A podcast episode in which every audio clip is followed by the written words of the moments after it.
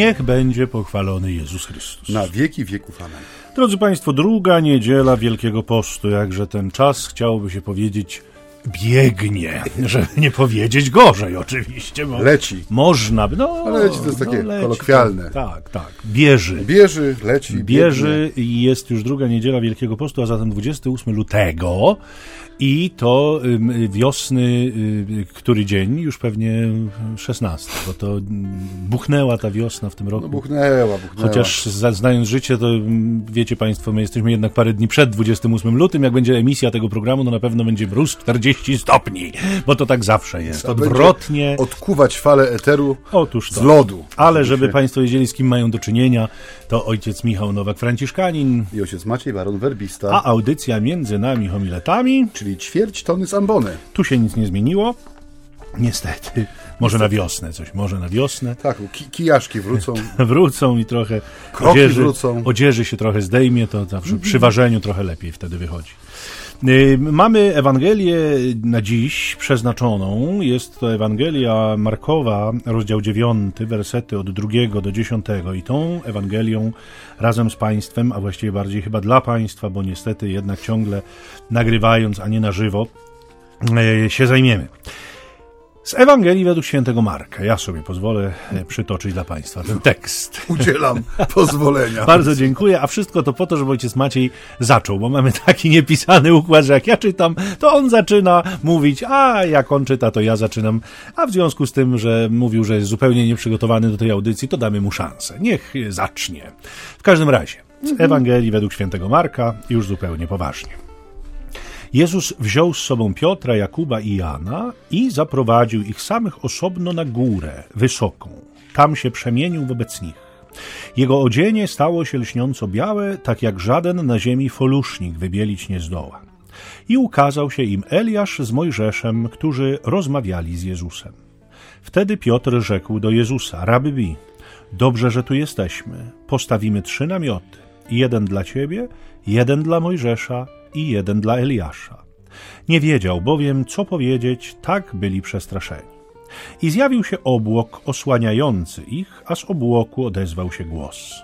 To jest mój syn umiłowany, jego słuchajcie. I zaraz potem, gdy się rozejrzeli, nikogo już nie widzieli przy sobie, tylko samego Jezusa. A gdy schodzili z góry, przykazał im, aby nikomu nie rozpowiadali o tym, co widzieli, zanim syn człowieczy nie powstanie z martwych. Zachowali to polecenie, rozprawiając tylko między sobą, co znaczy powstać z martwych. I teraz ja powinienem rozpocząć od jakiejś błyskotliwej Bardzo myśli, prosimy, ojcze. zaczepnego. Jesteśmy tak y, po prostu podekscytowani tym, co ojciec powie i jak ojciec zacznie, że aż się napije wody. No to jest rzeczywiście... Tak. Nie wiem, jak się pozbieram po takim geście zachęty. E, Drogi ojcze i drodzy słuchacze, e, zacząć rozważanie na temat tej Ewangelii jest o tyle trudno, o ile e, biorąc do ręki ten tekst i komentarze, które możemy znaleźć, czy to w różnych wydaniach e, Słowa Bożego, czy po prostu osobno wydawane, e, przynoszą nam świadectwo wielkiej e, różnorodności interpretacji, jeśli chodzi o znaczenie tego właśnie tekstu. I, I żeby potwierdzić, jak gdyby, może nie tyle zmieszanie, co pewną nieufność, jeśli chodzi o interpretowanie tego wydarzenia, y, które przed chwilą stało się naszym udziałem za sprawą mistrzowskiej tutaj e, proklamacji ojca Michała. Y, Przytoczę takie Tak. zdarzenie z grupy biblijnej, którą animowałem swego czasu. Mieliśmy takie rozważania Słowa Bożego e, przed niedzielą. E, To była grupa mieszana, tam wchodziły w jej skład osoby świeckie, osoby duchowne, osoby, które zajmują się katechizacją także.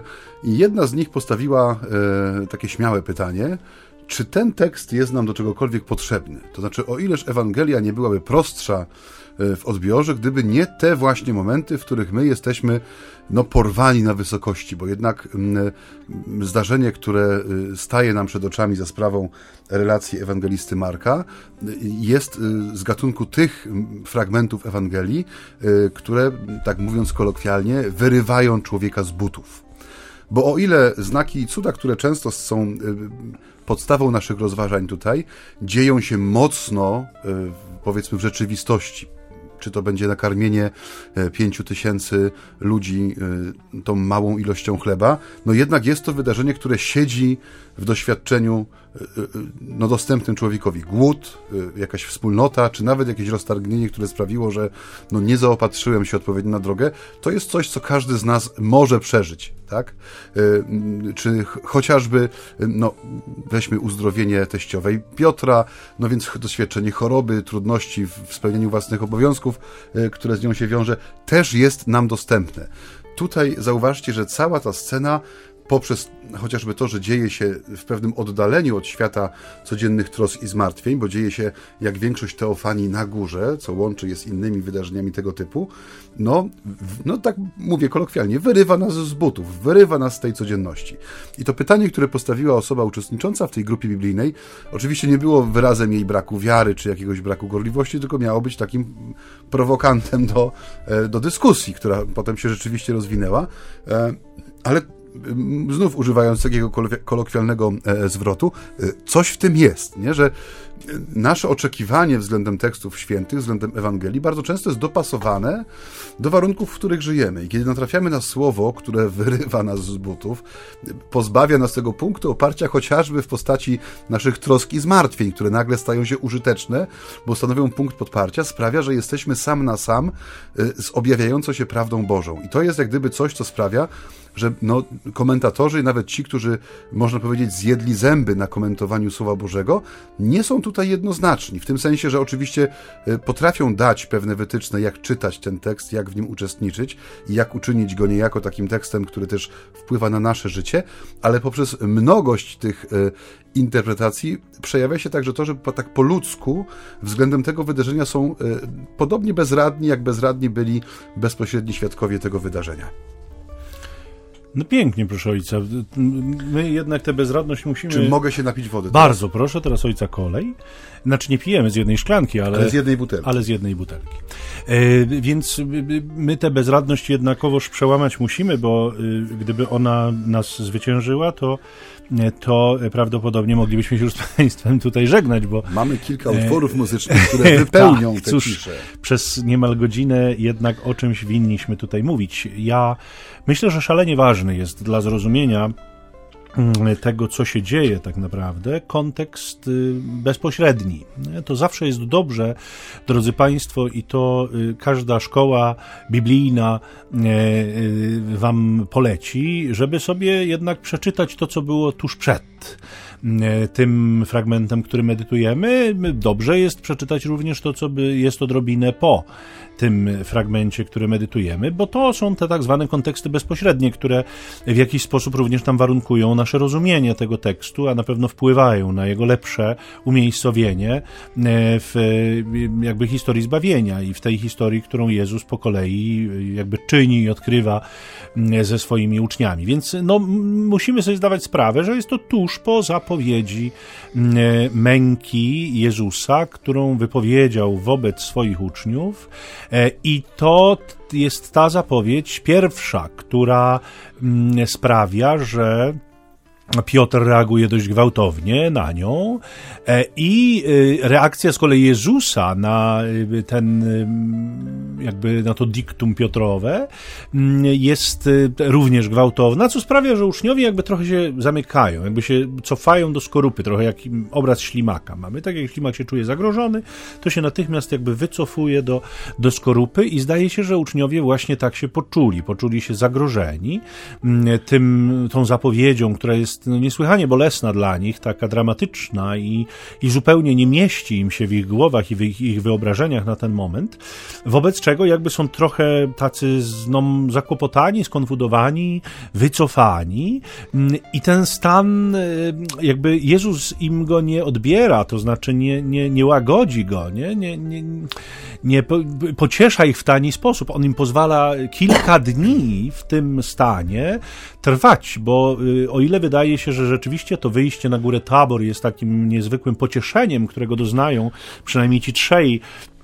z tego najściślejszego grona apostolskiego, Piotr, Jakub i Jan, no to to się nie dzieje natychmiast, nie? co też myślę sobie, że jest niesłychanie cennym obrazem takiej, powiedzmy sobie, wartości trudnych uczuć, nie? które też trzeba niejednokrotnie w swoim życiu przeżyć. Ja y, przyznam szczerze, że y, początek Wielkiego Postu spędzałem w klasztorze żeńskim, gdzie prowadziłem rekolekcje zakonne dla sióstr. Myślałem, że wstąpiłeś. Nie, nie, nie wstąpiłem, chociaż niektórzy mówią, że rzeczywiście powinienem być siostrą zakonną. Yeah. No, mam przeszkodę kanoniczną, więc już wszystko niestety. No, brodę też, powiedzmy. W każdym razie jest już po ptakach, żeby tak powiedzieć kolokwialnie.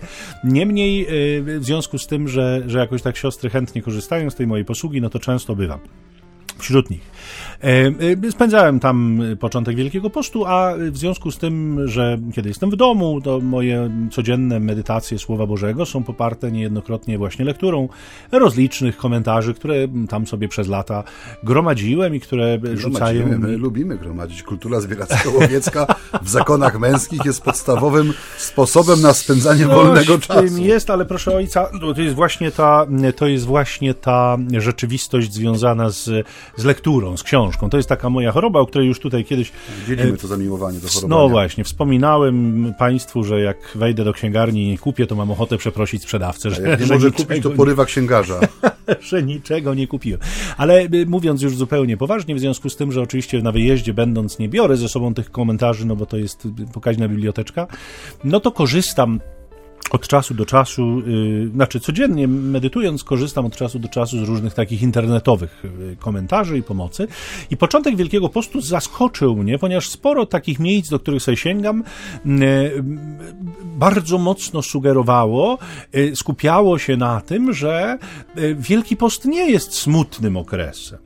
Bo y, Wielki Post to tak naprawdę oczekiwanie na zmartwychwstanie Pana Jezusa, a zmartwychwstanie przecież jest hiper, super, arcy radosnym wydarzeniem i właściwie takie konfrontowanie Wielkiego Postu z Adwentem, mówiąc, że Adwent jest czasem radosnego oczekiwania, a Wielki Post to mm, właściwie to tak nie bardzo wiadomo, no jest czymś niesłusznym, bo Wielki Post jest również mm, czasem y, y, oczekiwania radosnego. I tak sobie pomyślałem, mój Boże, jaki lęk jest w, w ludziach piszących te komentarze przed trudnymi uczuciami. Nie? Smutek jest uczuciem trudnym, niewątpliwie.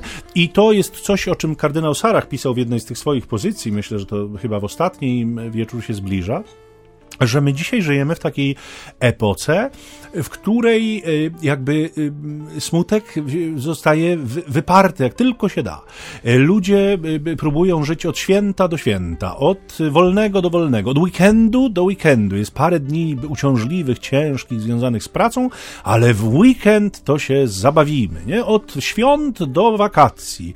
Już te wakacje, żeby już urlop, żeby odetchnąć, się zabawić. Kardynał pisze, że nawet pogrzeb już dzisiaj nie może mieć smutnego e, charakteru, o czym wielokrotnie się choćby w Stanach Zjednoczonych przekonywałem, kiedy te eulogia na koniec głoszone przez rodzinę, często w kościele niestety, czemu no, nikt nie ma tam odwagi się sprzeciwić, a właściwie powinny być chyba głoszone raczej dopiero na cmentarzu, opisują nam tego zmarłego w najbardziej dowciapny sposób, jaki tylko sobie tam można często wyobrazić, doprowadzając do salw śmiechu mm, w świątyni, mówiąc, prawda, prelegent mówi o tym, jakie tam kapcie e, lubił nosić, a gdzie właśnie do kasyna lubił sobie jeździć w weekendy, a, a jaką pizzę tam zamawiał i skąd. Więc e, my mamy szalony problem z tymi trudnymi uczuciami, podczas gdy ta Ewangelia, żeby już tak spuentować, bo rozwodzę się nad tym, ale wydaje mi się to być istotne, ta Ewangelia nam dzisiaj pokazuje, że mm, mm, jakby trudne uczucia są wpisane w ludzki los i wcale nie należy przed nimi uciekać. Jezus jakby pozwala tym swoim uczniom przez parę dni się naprawdę zmagać, bo to było coś wyjątkowo trudnego. Jeżeli chodzi o te trudne uczucia, ja bym to poszerzył y, i wrócił do tematu, który niejednokrotnie już podejmowaliśmy w naszych rozmowach, mianowicie y, takiej cichej nieobecności cierpienia w dzisiejszej kulturze i w dzisiejszym czasie. Zauważ, że ten, powtarza się to ostatnio powielokroć, nie? że ta nieszczęsna pandemia, epidemia koronawirusa, która trwa już rok właściwie, no w tej chwili, e, przynajmniej w naszym kontekście tutaj geograficznym, że ona siłą rzeczy narzuca się jako taki czas konfrontacji z uczuciami trudnymi, nie?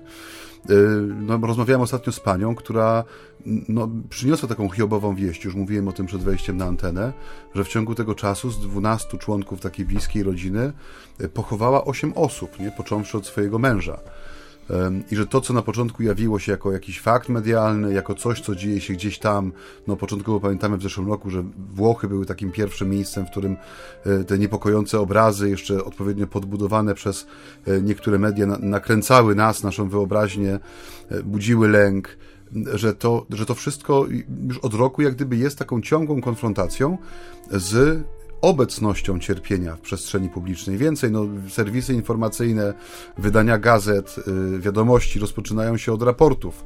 Y, I ostatnią pozycją w tej raporcie, w, tych, w tych raportach najczęściej jest ilość osób, które umarły, które odeszły konkretnego dnia na skutek, czy też w związku z panującą sytuacją epidemiczną. I to są liczby, e, do których myśmy się już znowu przyzwyczaili. 280, 310, 485. Za każdym razem to jest taka mała wioska, która znika z powierzchni Ziemi. Nie? Ale dopóki nas to nie dotyczy, to to są zupełnie ale właśnie, anonimowe śmierci. Ale dopóki to jest tylko cyfra, która pojawia się w mhm. statystyce, ona nas nie dotyczy. Dopiero kiedy faktycznie muszę się zmierzyć z chorobą, z cierpieniem, odchodzeniem, czy faktycznie śmiercią kogoś bliskiego, wtedy zmienia się zupełnie optyka. Nie? I widzimy, że cały ten, jak gdyby y, ten, ten y, horyzont, który gdzieś tam był przed nami, nagle staje się tym najbliższym horyzontem, na którym ja patrzę, który mnie bezpośrednio dotyka. I to jest coś, co no na pewno zmieni świat. W tym sensie zmieni świat, że tak jak mówię, wprowadzi na powrót do takiej przestrzeni publicznej, do, do właśnie do wiadomości, do, do naszych rozmów, które siłą rzeczy koncentrują się wokół tych wydarzeń, temat cierpienia. E, czyli to, co tutaj e, ojciec Michał nazwał e, tymi uczuciami czy doznaniami trudnymi. Że one też są, one nie weszły nam nagle tylnymi drzwiami i stały, stały się częścią naszej egzystencji, tylko życie składa się z chwil, które są trudne po ludzku trudne, w sensie, które generują w nas niepokój, niepewność, lęk, smutek, prowadzą do płaczu, do łez, czasami popychają na skraj rozpaczy. Ale to, i to nie jest coś nowego, to jest pierwsza rzecz, a druga rzecz, to nie jest coś nienaturalnego że człowiek jest tak zbudowany, że potrafi przyjmować zarówno wydarzenia, które e, powodują w nim eksplozję radości, jak i potrafi przyjąć i przeżyć momenty, które uświadamiają jego własną kruchość i znikomość. I one siłą rzeczy no, są, e, są trudne, bo my lubimy e, promować w sobie ten mit nieśmiertelności, nie? że na, dopóki to nie jest moja sprawa, to to jest gdzieś poza mną, nie? Ja jestem na to odporny, już nie mówię w tej chwili o, wi o wirusie jako takim, tylko w ogóle o trudnych sytuacjach, nie? Że dopóki człowiek idzie jak przecinak, to nic mu nie grozi, w sensie w tym, tego własne, w tej wizji siebie samego w świecie pełnym cierpienia i niedoskonałości. Dopiero kiedy sam się potyka, upada i widzi, że sam nie wstanie, że potrzebuje pomocy, że jednak ta siła jest ograniczona, no to jeśli nie ma w nim zgody na takie e, uczucia, to właśnie wtedy rodzą się postawy i pokusy bardzo skrajne. Y, no już nie chcę mówić o tym, że, że y, podobno, bo nie jestem też specjalistą w tym zakresie, ale niepokojąco wzrasta ilość prób samobójczych w ostatnim czasie. I to nie tylko ludzi, którzy są postawieni przez ekonomię czy brak środków do, y, do życia, ale też z powodu właśnie napięcia, niepewności.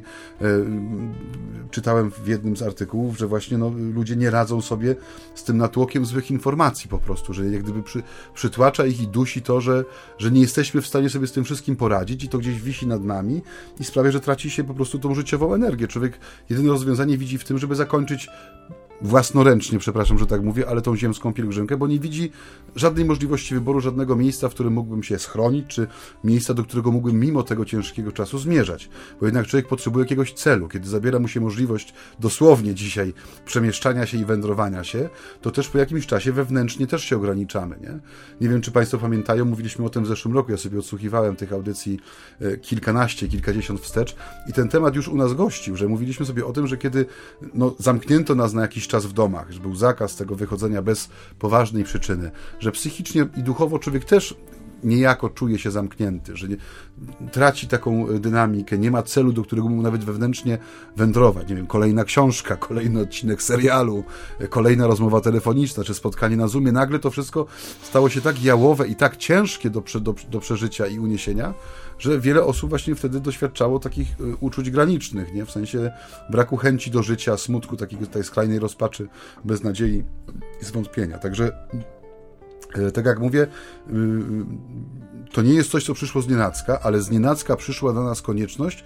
uświadomienia sobie, że to jest część naszego życia niezbywalna i organiczna, że życie nie składa się tylko i wyłącznie właśnie z urlopu, wakacji, świąt i nie wiem, kolejnego grilla u sąsiada w ogródku, ale że to jest no, mozaika, która często ma przewagę tych ciemnych płytek, które gdzieś tam y, są układane, że to nie zawsze będą piękne, prześwietlone i kolorowe momenty.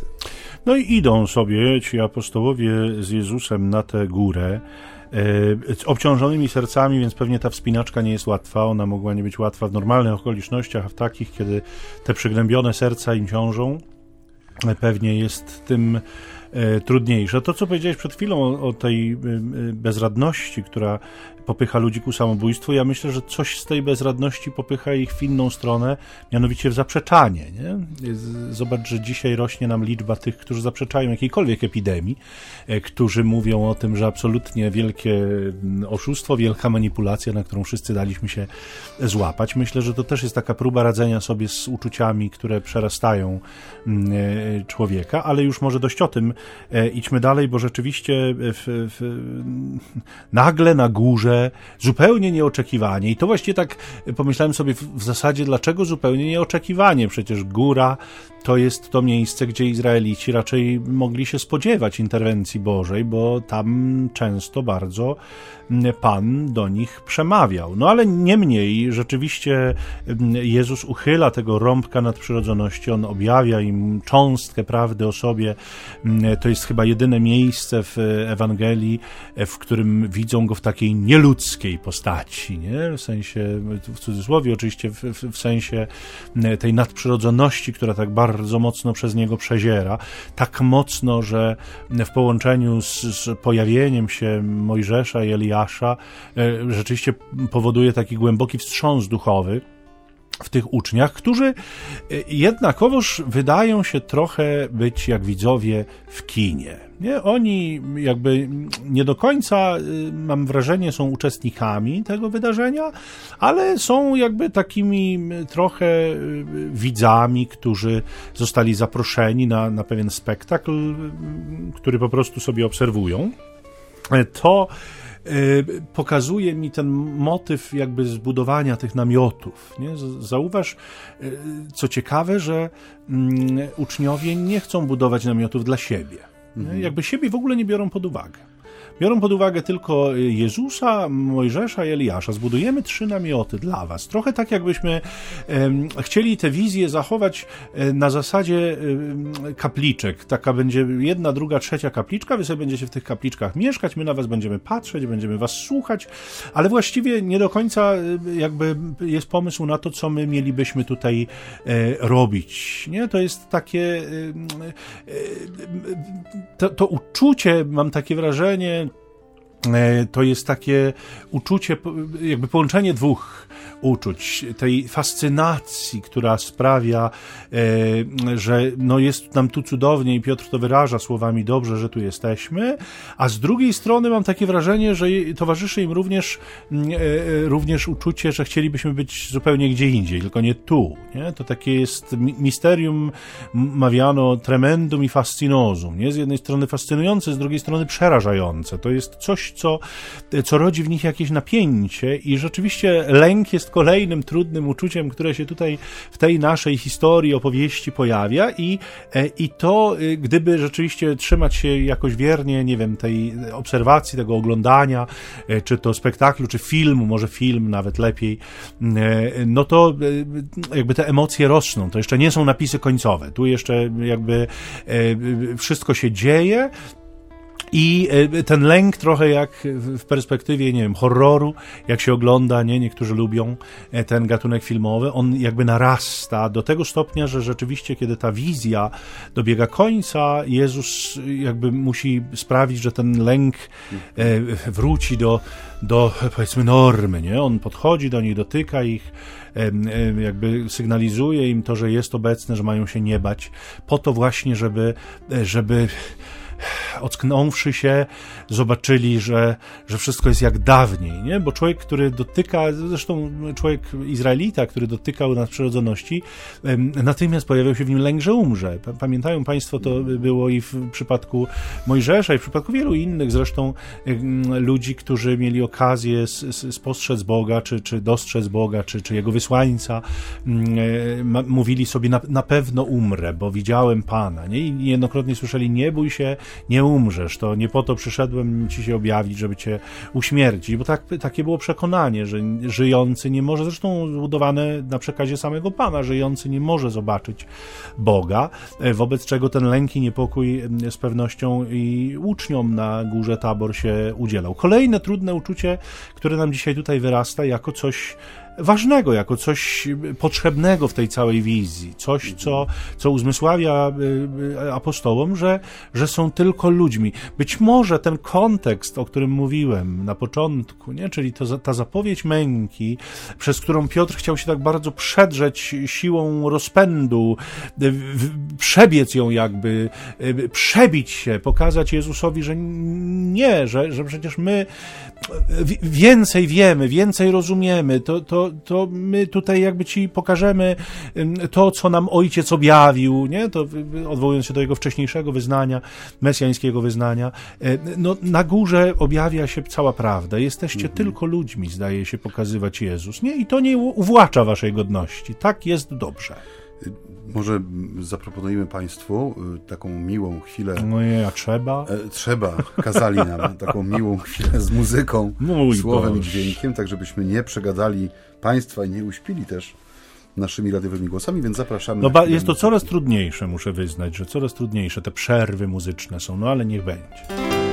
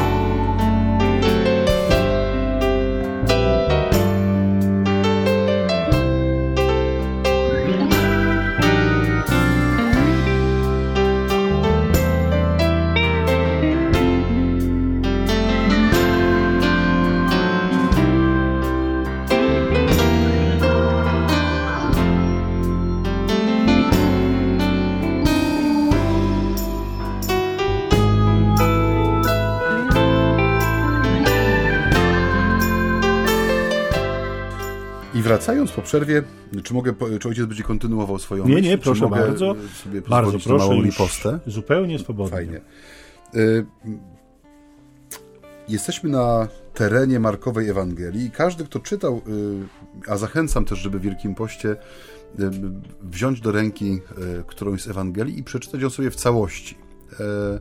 Tak, to co ojciec Michał tu powiedział o tych bezpośrednich kontekstach, to jest bardzo ważna postawa też taka czytelnika Słowa Bożego, słuchacza Słowa Bożego, ponieważ my mamy y, w liturgii kontakt no, z układem historiozbawczym, jak to się y, profesjonalnie nazywa, a więc nie czytamy, przynajmniej nie zawsze czytamy Ewangelię ciągle in extenso.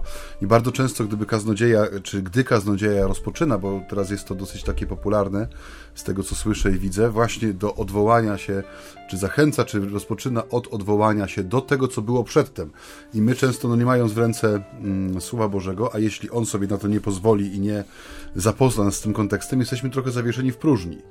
E, więc kiedy czytamy Słowo Boże, Księga Ewangelii, chociażby rozdział za rozdziałem, werset za wersetem, e, no zupełnie inaczej e, możemy dobierać i odbierać też pewne sensy, które się wyłaniają. I każdy, kto przeczytał Ewangelię Markową od początku do końca, na głos można ją przeczytać sobie nawet, czy komuś, w niecałe dwie i pół godzinki, zachowując odpowiednią dykcję i przerwy i pauzy, więc nie jest to jakiś monstrualnie mm, duży kawałek czasu. Widzimy, że w tej Ewangelii ta część ostatnia, ona jest taka jakby trochę uboga. Nie? Tam jest to pierwsze zakończenie, e, które zostawia nas z tymi, którzy e, doświadczyli pustki grobu i ze strachu e, nikomu o tym nie powiedzieli. Dopiero potem jest to drugie zakończenie. I przeczytałem ostatnio, że szczególnie w teologii wschodu prawosławnej, czy, czy, czy, czy w ogóle szerzej ujmując to wschodniej teologii, centralnym miejscem Markowej Ewangelii jest nie ostatni rozdział, w sensie nie, nie tu jest jak gdyby to, co ojciec nazwał takim tym szczytem, po którym napięcie może zacząć opadać, tylko właśnie ten moment, czyli przemienienie na górze e, Tabor. E, I że tutaj e, uczniowie są skonfrontowani jak gdyby z tym ostatnim rozdziałem Ewangelii, czyli Boża chwała, która przenika, prześwieca to ludzkie ciało Jezusa, sprawia, że doświadczenie tego, o czym powiedział chwilę wcześniej, czyli krzyża, jest im dane nie w bezpośrednim oglądaniu Chrystusa umęczonego, ale Chrystusa, który poprzez cierpienie wszedł do swojej chwały. Że tutaj jak gdyby mamy do czynienia y, z tym szczytem, szczytowym momentem Markowej Ewangelii. To, co jak gdyby nie dostaje temu ostatniemu rozdziałowi, który jest taki trochę, no mówię, ubogi, skąpy w, e, w szczegóły, skąpy w opisy, e, nie, nie jest jakoś e, szczególnie rozbudowany. Tutaj jak gdyby jest w pełni ukazane, że tutaj uczniowie, którzy będą mieli największy problem z krzyżem, no bo wiemy, że pod krzyżem zostanie tylko Jan, że, że krzyż nie będzie miejscem, który zgromadzi i zjednoczy uczniów Jezusa, ale ich rozproszy. Będzie tak wielkim zaskoczeniem, tak wielkim zgorszeniem, tak wielkim źródłem lęku, że oni nie będą w stanie zachować tej jedności i swojej godności uczniów w momencie, w którym Chrystus rozpoczyna swoje panowanie z krzyża. Więc jak gdyby góra Tabor jest dla nich sposobem zanurzenia się tak w Bożej chwale, jak i w misterium krzyża. Centralne miejsce Markowej Ewangelii że tutaj uczeń, który nie będzie miał odwagi stanąć pod krzyżem, y, może spotkać rzeczywistość, przez którą Chrystus do chwały dochodzi. I z jednej strony jest to, to co tutaj y, wybrzmiewa w tym fragmencie y, Markowej Ewangelii, jest także właściwe innym opisom teofanii na kartach Starego Przymierza, w których to świadkowie, czyli te osoby, które miały udział w tym wydarzeniu, miały także świadomość pewnego nowego kierunku, który, czy nowej, e, nowej misji, nowego zadania, które jest e, w momencie teofanii objawione. No i kiedy bierzemy właśnie sobie do ręki Markową Ewangelię, czytając ją w całości, widzimy, że jak gdyby wydarzenie na górze Tabor, czyli przemienienie pańskie, wyznacza ten kierunek wędrówki do Jerozolimy, tak Jezusowi, jak i tym, którzy idą za nim. Z tym, że jak wiemy, oni jak gdyby u kresu tej drogi, czyli tam, gdzie stanie krzyż Chrystusa, oni nie będą z nim obecni. Oni są jak gdyby obecni w tym wydarzeniu już teraz, tutaj, widząc Chrystusa uwielbionego, przemienionego, widzą do czego prowadzi e, no, ta jego misja, czym będzie jego e, męka i śmierć, nie? że to nie będzie po ludzku kres, tylko to jest ta brama, przez którą Chrystus wchodzi do chwały. Nie?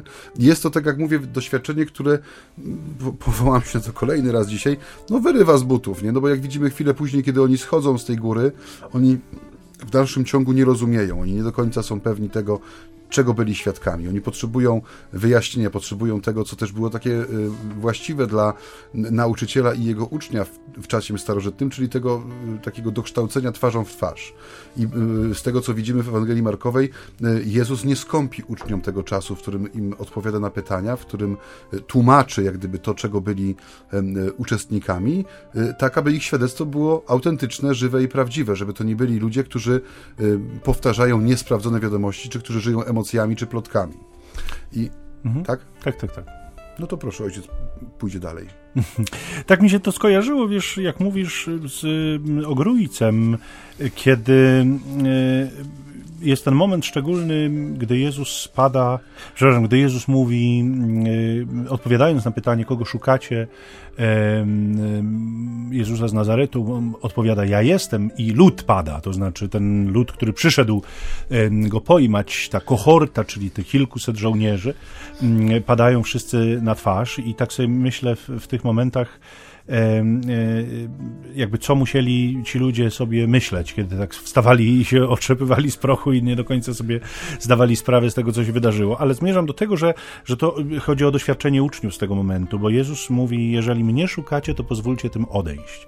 jakby bardzo mu zależy, żeby uczniowie byli bezpieczni, bardzo mu zależy, żeby uczniowie mm, jakby mm, mogli odejść swobodnie, nie zostali zatrzymani, właśnie e, trochę jakby po to, co zbieżne jest z tym, o czym mówisz, żeby byli świadkami, żeby zebrali dane, żeby dobrze zapamiętali, co się wydarzyło, żeby mogli jakby to wyryć sobie pod, pod powiekami. I skądinąd później, kiedy, kiedy być może z daleka gdzieś będą obserwować mękę Chrystusa, trudno temu całkowicie zaprzeczyć, nie ma ich pod krzyżem, ale gdzieś tam może z daleka, żeby jakby umieli sobie nałożyć na obraz wiszącego na krzyżu Jezusa ten pryzmat góry Tabor, nie? tego y, objawienia, tej przemiany, tego dotknięcia nadprzyrodzoności, żeby, żeby jakby te doświadczenia były takimi kamieniami milowymi, żeby one rzeczywiście przyczyniły się do tego, mm, że opowiadając o nich w przyszłości, a będą to przecież czynić, żeby potrafili je wykorzystać i potrafili je właściwie ukazać, właściwie zinterpretować nie? W, tym, w tym e, świecie. Mhm. Ja się z ojcem absolutnie Bardzo miło. Y, y, po co nam ta Ewangelia u początku Wielkiego Postu? Bo to jest skądinąd dopiero druga no niedziela właśnie, tak. Wielkiego Postu. Nie? I ja myślę, drodzy Państwo, odpowiadając sobie na to pytanie, y, pomyślałem, że, że jakby jesteśmy w bardzo podobnej sytuacji do apostołów. To znaczy te lęki, te niepokoje, ten okres Wielkiego Postu jest trudnym okresem dla nas. To znaczy ja już pomijam te wszystkie tam wyrzeczenia, czy, czy, czy próby nawrócenia siebie samego, bo one są cenne, oczywiście są, są szlachetne i broń Boże nie ironizuję, ani nie dworuję z nich. E, natomiast to, co e, wydaje mi się być tak po prostu trudne, to fakt, że dla człowieka o przeciętnej wrażliwości, mm, jakby ta myśl o tym, że zmierzamy znów na mękę z naszym Panem, mhm. że jeżeli świat się nie skończy, nasz osobisty i ten, który tak się zowie, odkąd Pan go założył aż do jego kresu, to dotrwamy do Wielkiego Piątku i, e, i będziemy znowu patrzeć na Chrystusa krzyżowanego i będziemy przez ten czas uczestniczyć w drogach krzyżowych i będziemy uczestniczyć w gorzkich żalach. Te treści bardzo mocno nas uderzają. One się bardzo mocno też w nas osadzają. Tak jak powiadam, przeciętnie wrażliwy człowiek no, doświadcza tych trudnych uczuć, smutku, niepokoju, lęku, przykrości i to pocieszenie którego dzisiaj Jezus swoim uczniom mm, udziela poprzez to objawienie samego siebie, e, wydaje się być dla nas tak samo ważne jak dla nich. Jezusowi bardzo zależy na tym, żebyśmy my dzisiaj zdali sobie sprawę, po raz kolejny przecież, nie, nie pierwszy, z kim my tak naprawdę mm, mamy do czynienia, ten obraz tego przemienionego, jasnego, nieporównywalnego z niczym Jezusa. Nie? On tak jak i u nich, tak u nas także ma się wyryć pod powiekami, żeby nam nigdy nie zginął sprzed oczu.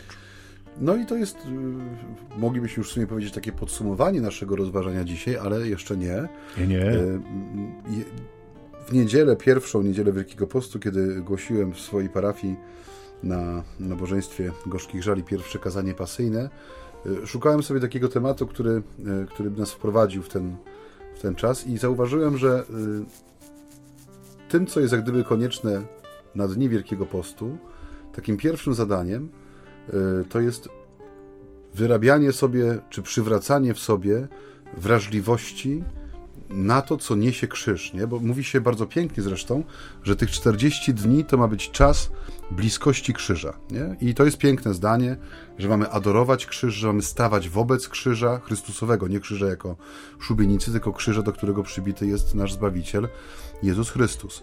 I że naturalnym ruchem człowieka Zauważmy, to jest no, też dzisiaj powszechne w sumie, jest oczywiście uciekanie od krzyża, nie? jest uciekanie od cierpienia. No, nikt świadomie e, nie dąży do tego, żeby cierpieć, czy żeby zadawać ból sobie, czy swoim najbliższym. Więc to wezwanie wielkopostne, które jak gdyby gromadzi nas, czy to takie święte zwołanie, e, które ma, ma nas wszystkich zgromadzić właśnie wokół e, misterium krzyża, ono jest pewnym zaprzeczeniem ludzkiej takiej normalnej, e, powiedzmy, logiki względem cierpienia. Nie? Że dla mnie no, no, wystarczy popatrzeć, co najczęściej schodzi z aptek, nie środki przeciwbólowe. Boli mnie coś, biegnę do apteki, łykam tabletkę, czy idę do lekarza, kiedy ból jest poważniejszy i natychmiast szukamy sposobu, żeby sobie ulżyć, żeby zanieść komuś ulgę w cierpieniu i to jest naturalne. To nie jest złe działanie, no bo kiedy przychodzi do nas ból i cierpienie, ja jestem po, świeżo po zakończonym leczeniu stomatologicznym, więc ten, zauwa zauważyłem, że kiedy przychodzi ból, nawet krótkotrwały, ale intensywny, to wszystko inne przestaje się liczyć. Nie? Człowiek zaczyna się koncentrować wokół tego, co boli i że boli. I to jest trochę tak jak pchanie języka y, w miejsce, które gdzieś tam w jamie ustnej nas irytuje. Nie? Wiemy, że będzie nas bolało, ale pchamy ten język tam do środka. Nie? I, co, I z jednej strony jest w nas coś takiego, ale dru z drugiej strony jest naturalny y, odruch ucieczki. Szukam ucieczki od cierpienia. Tymczasem Wielki Post jest takim paradoksem po raz kolejny w Ewangelii, że gromadzi, ma, ma, przedstawia nam krzyż nie jako miejsce, od którego się stroni, chociaż nie przestaje pokazywać krzyża i Golgoty jako miejsca ostatniego z ostatnich, nie? Że, że mm, ten czas Wielkiego Postu co roku powinien być takimi ćwiczeniami zrażliwości, żeby uczynić miarę, miarą mojego postrzegania świata, człowieka, Pana Boga, krzyż nie? i Chrystusa na nim cierpiącego. Jeśli nam się uda zobaczyć piękno królującego Chrystusa na krzyżu, że to jest rzeczywiście władca absolutny, nie? przed którym y, nie ma nikt większej władzy od niego, mimo że po ludzku jest przybity, nieruchomy i walczący o każdy oddech. Że to jak gdyby powinien być cel tego wielkopostnego nie tylko zamyślenia, czy jak to często się mówi, czy refleksji. Nie, to powinna być ciężka e, wewnętrzna praca, która otwiera mi oczy, bo mm, to mówiliśmy na początku audycji, że żyjemy w świecie, który wyrugował cierpienie przynajmniej starał się. Ostatni rok przypomniał nam, że nie da się tego zrobić, że choćbyśmy malowali świat najbardziej pastelowymi kredkami, to jednak wystarczy ułamek sekundy i trzy tygodnie nerwowego oczekiwania i nagle okazuje się, że cały świat się zatrzymuje i cały świat trzęsie się z powodu obawy przed dokładnie tą samą rzeczywistością. Nie? I nagle się okazuje, że to cierpienie jest i że ono jest na dzień dzisiejszy i na chwilę obecną, mimo całej dobrej woli i wszystkich naprężonych mózgów i umysłów, nieusuwalne przez jakiś czas, że będziemy musieli z tym cierpieniem żyć. Że to jest wielka lekcja w sensie dla nas, jako dla ludzi.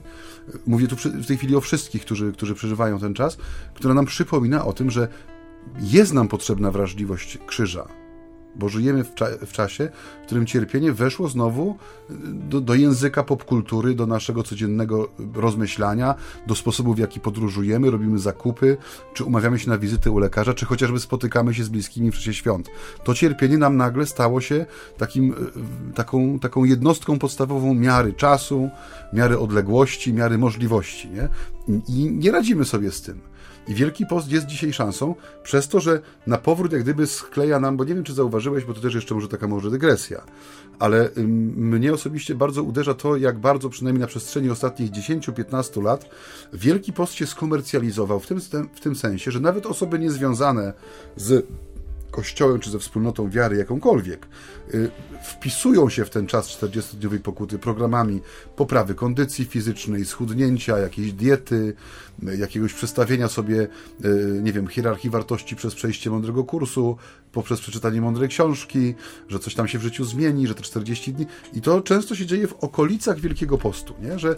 że mm, oderwaliśmy ten krzyż i Chrystusa nad nim zawieszonego od tego czasu i troszeczkę zrobiliśmy z tego Wielkiego Postu taki adwent y, bez choinki, nie? Że, że mm, jest to jakiś czas, bo adwent nam też kuleje, jeżeli chodzi o, te, o to rzeczywiste przeżycie tego czasu w tym potrójnym znaczeniu, nie?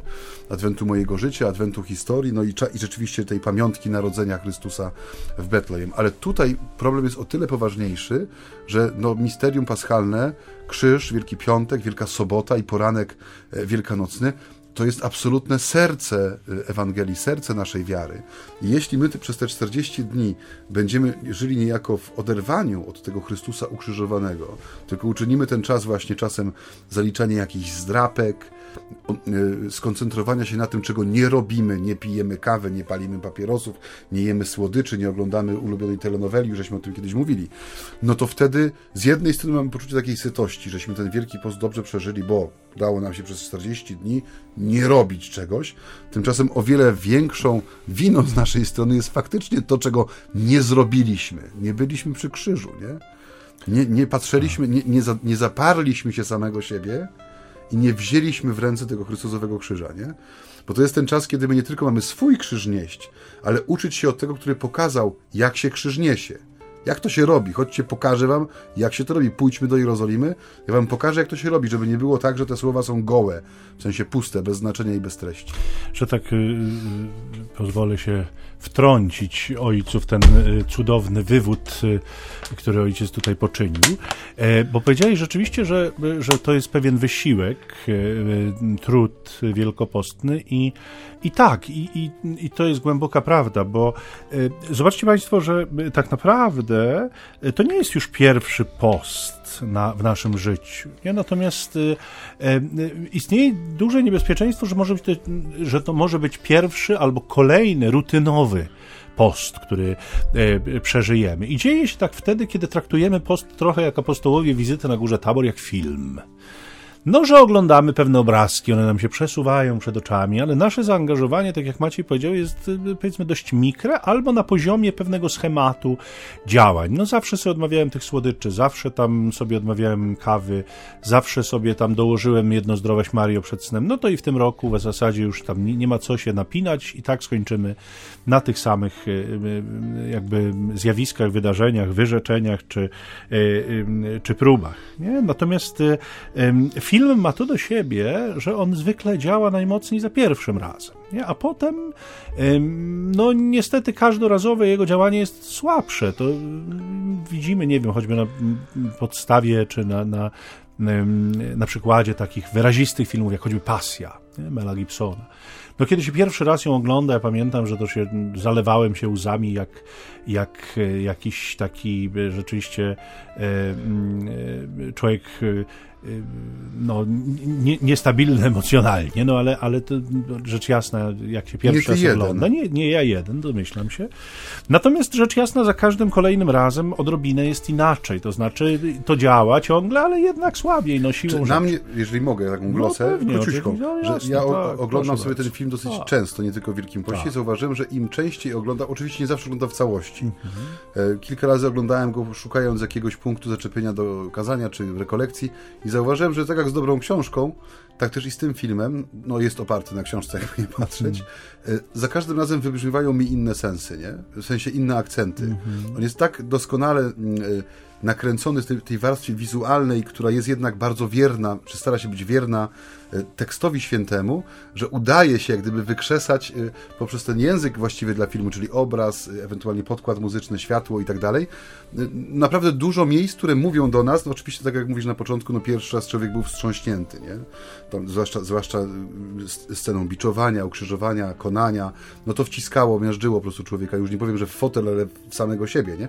Ale teraz jak gdyby, kiedy oglądam, widzę, że owszem, te rzeczy działają, no też jest jakiś tam pewnie wstrząs taki duchowy wewnętrzny bardziej, ale też przemawiają inne miejsca w filmie, które nie do końca mają moc takiego no, finału, powiedzmy, nie? czy tego Y, jak to się nazywa, muzykę crescendo, tak? Czy ten, ten no tak, to, ale, ale też potrafią e, dużo e, powiedzieć, ku, ku, czemuś pociągnąć, nie? Coś doświetlić w jakiś tam sposób i to sobie cenię w tym, w tym akurat, w tym dziele filmowym, tak. które w Wielkim Poście mi często towarzyszy. Krótka glosa ojca Macieja. No tak. osiem zdań, co to jest. Tak. W związku z tym, tak jak powiadam, film filmem, ale jednak życie życiem. I może tego zaangażowania nam potrzeba, przy czym rzecz jasna potrzeba również takich chwil oddechu, jak Góra Tabor w przypadku apostołów. I dlatego tak sobie pomyślałem, wiecie Państwo, że, że może byłoby cudownie rzeczywiście zadbać sobie w Wielkim Poście o taki jeden dzień właśnie Góry Tabor, o taki dzień skupienia wielkopostny, swój własny, bo przecież to nie jest kwestia tylko, nie wiem, sióstr zakonnych, czy księży, czy zakonników, że, że przeżywają od czasu do czasu jakiś dzień skupienia. Nie, może, może dałoby się, nie? Na przykład gdzieś w terenie, może już będzie ciepło w tym Wielkim Poście, a może w jakimś miejscu, które nie jest moim domem, a jest ciepłe, jest możliwe, że tam mogę się zatrzymać, wyciszyć, mogę rzeczywiście wejść w siebie, mogę rzeczywiście poddać się działaniu Słowa Bożego, znaleźć na to czas, żeby je, żeby je poczytać, nie? Żeby, żeby rzeczywiście zorganizować sobie, spróbować przynajmniej zorganizować sobie taki jeden dzień, może niedziela, nie? Jeżeli macie Państwo wolną niedzielę, może byłoby cudownie ją jakoś tak e, spędzić. Ale myślę, że to, co może być też takim odpowiednikiem Góry Tabor, to mogą być też rekolekcje parafialne i do nich chcemy Państwa zaprosić, zachęcić. Ja powielokroć to już mówiłem, że mam taką obserwację, e, kiedy e, lata całe głoszę te rekolekcje, jeżdżę i, i, i opowiadam, że kiedyś to były wydarzenia masowe, dzisiaj są to wydarzenia elitarne. Nie? Coraz mniej osób bierze w nich udział i oczywiście przyczyn może być wiele, tu możemy się uderzyć w swoje własne piersi, bo najlepiej zawsze jednak w swoje się bić że i ta treść, czy ten poziom tych rekolekcji może nie zawsze jest najwyższy. Niemniej e, taki czas ofiarowany Bogu, takie poddanie się Jego działaniu, e, szczególna kondensacja łaski zawsze. Myślę, że w większości parafii jednak już te rekolekcje wielkopostne się odbędą, ponieważ e, mieliśmy te momenty takiego dużego zawirowania, ale myślę, że coraz większa liczba proboszczów też bardzo wyraźnie widzi, że jest potrzeba nie, w, w ludziach tego, żeby wreszcie spotkać się, posłuchać Słowa Bożego, więc do tego myślę też gorąco Państwa zachęcamy. Jest początek Wielkiego Postu w wielu miejscach, dopiero te rekolekcje parafialne będą, więc z całego serca zachęcamy do tego, że, żeby je jakby przeżyć, udać się w, w miejsce e, kościoła, miejsce, gdzie one będą głoszone e, i ich posłuchać. Oczywiście można też korzystać z tej warstwy, którą mamy, ale jednak jak rozmawiam z ludźmi, to bardzo często słyszę, ojcze, internet jednak nie zastępuje zastępuje tego, co, co na żywo się... No nawet bez jednak, po prostu nie zastąpi no, nie zastąpi, tak, nie zastąpi tego, co się przeżywa w świątyni, więc no tą zachętą ja bym zakończył, proszę ojca Macieja. Co, co Myślę, ojciec... że to już jest ten czas, chociaż dzisiaj zdradzimy Państwu sekret, jest po prostu sytuacja niesamowita, bo kota nie ma i myszy harcują. Musimy sami pilnować zegara, więc... Tak, istnieje jest... taka obawa, że może to się źle udać, skończyć dla udać, Państwa. Więc to, ta sugestia ojca Michała jest jak najbardziej trafiona czasowo. Tak, nasz Tadeusz jest nieobecny dzisiaj, natomiast my radzimy sobie tutaj sami. On będzie nas tylko potem przesłuchiwał, wyklejał, wklejał, wycinał, przycinał i emitował Państwu już gotowy produkt. Także dziękujemy Państwu za uwagę w tę drugą już niedzielę Wielkiego e, Postu. Niezależnie od tego, jak nas słuchacie i gdzie nas słychać, e, życzymy Wam, żeby ten e, czas drugiego tygodnia rzeczywiście może zaowocował takim, jeśli nie całym, to chociaż e, częściowym dniem e, poświęconym na takie wyciszenie się i skupienie, żeby spojrzeć nie po to, żeby doświadczyć świętego spokoju, ale właśnie, żeby się zaniepokoić. Zaniepokoić się krzyżem Chrystusa i tym, co jak gdyby ta prawda e, też przemienienia Górze Tabor wnosi nam w rozumienie krzyża jako tej bramy czy drabiny do chwały i abyśmy rzeczywiście potrafili ten czas Wielkiego Postu przeżyć nie tyle na nierobieniu czegoś, ile właśnie na tym wewnętrznym wysiłku i odzyskiwaniu tej wrażliwości krzyża. Tego Wam z serca w swoim imieniu Ojca Michała życzę. Tak, w związku z tym, że w moim imieniu już Ojciec Maciej Wam pożyczył, to ja już niczego Wam życzył. Ale możesz podać numer telefonu. Mogę, nie, drodzy Państwo, oczywiście żartuję, podpisuję się obiema nóżkami i raciczkami również pod... No, to, te pozostałe dwie to takie, prawda.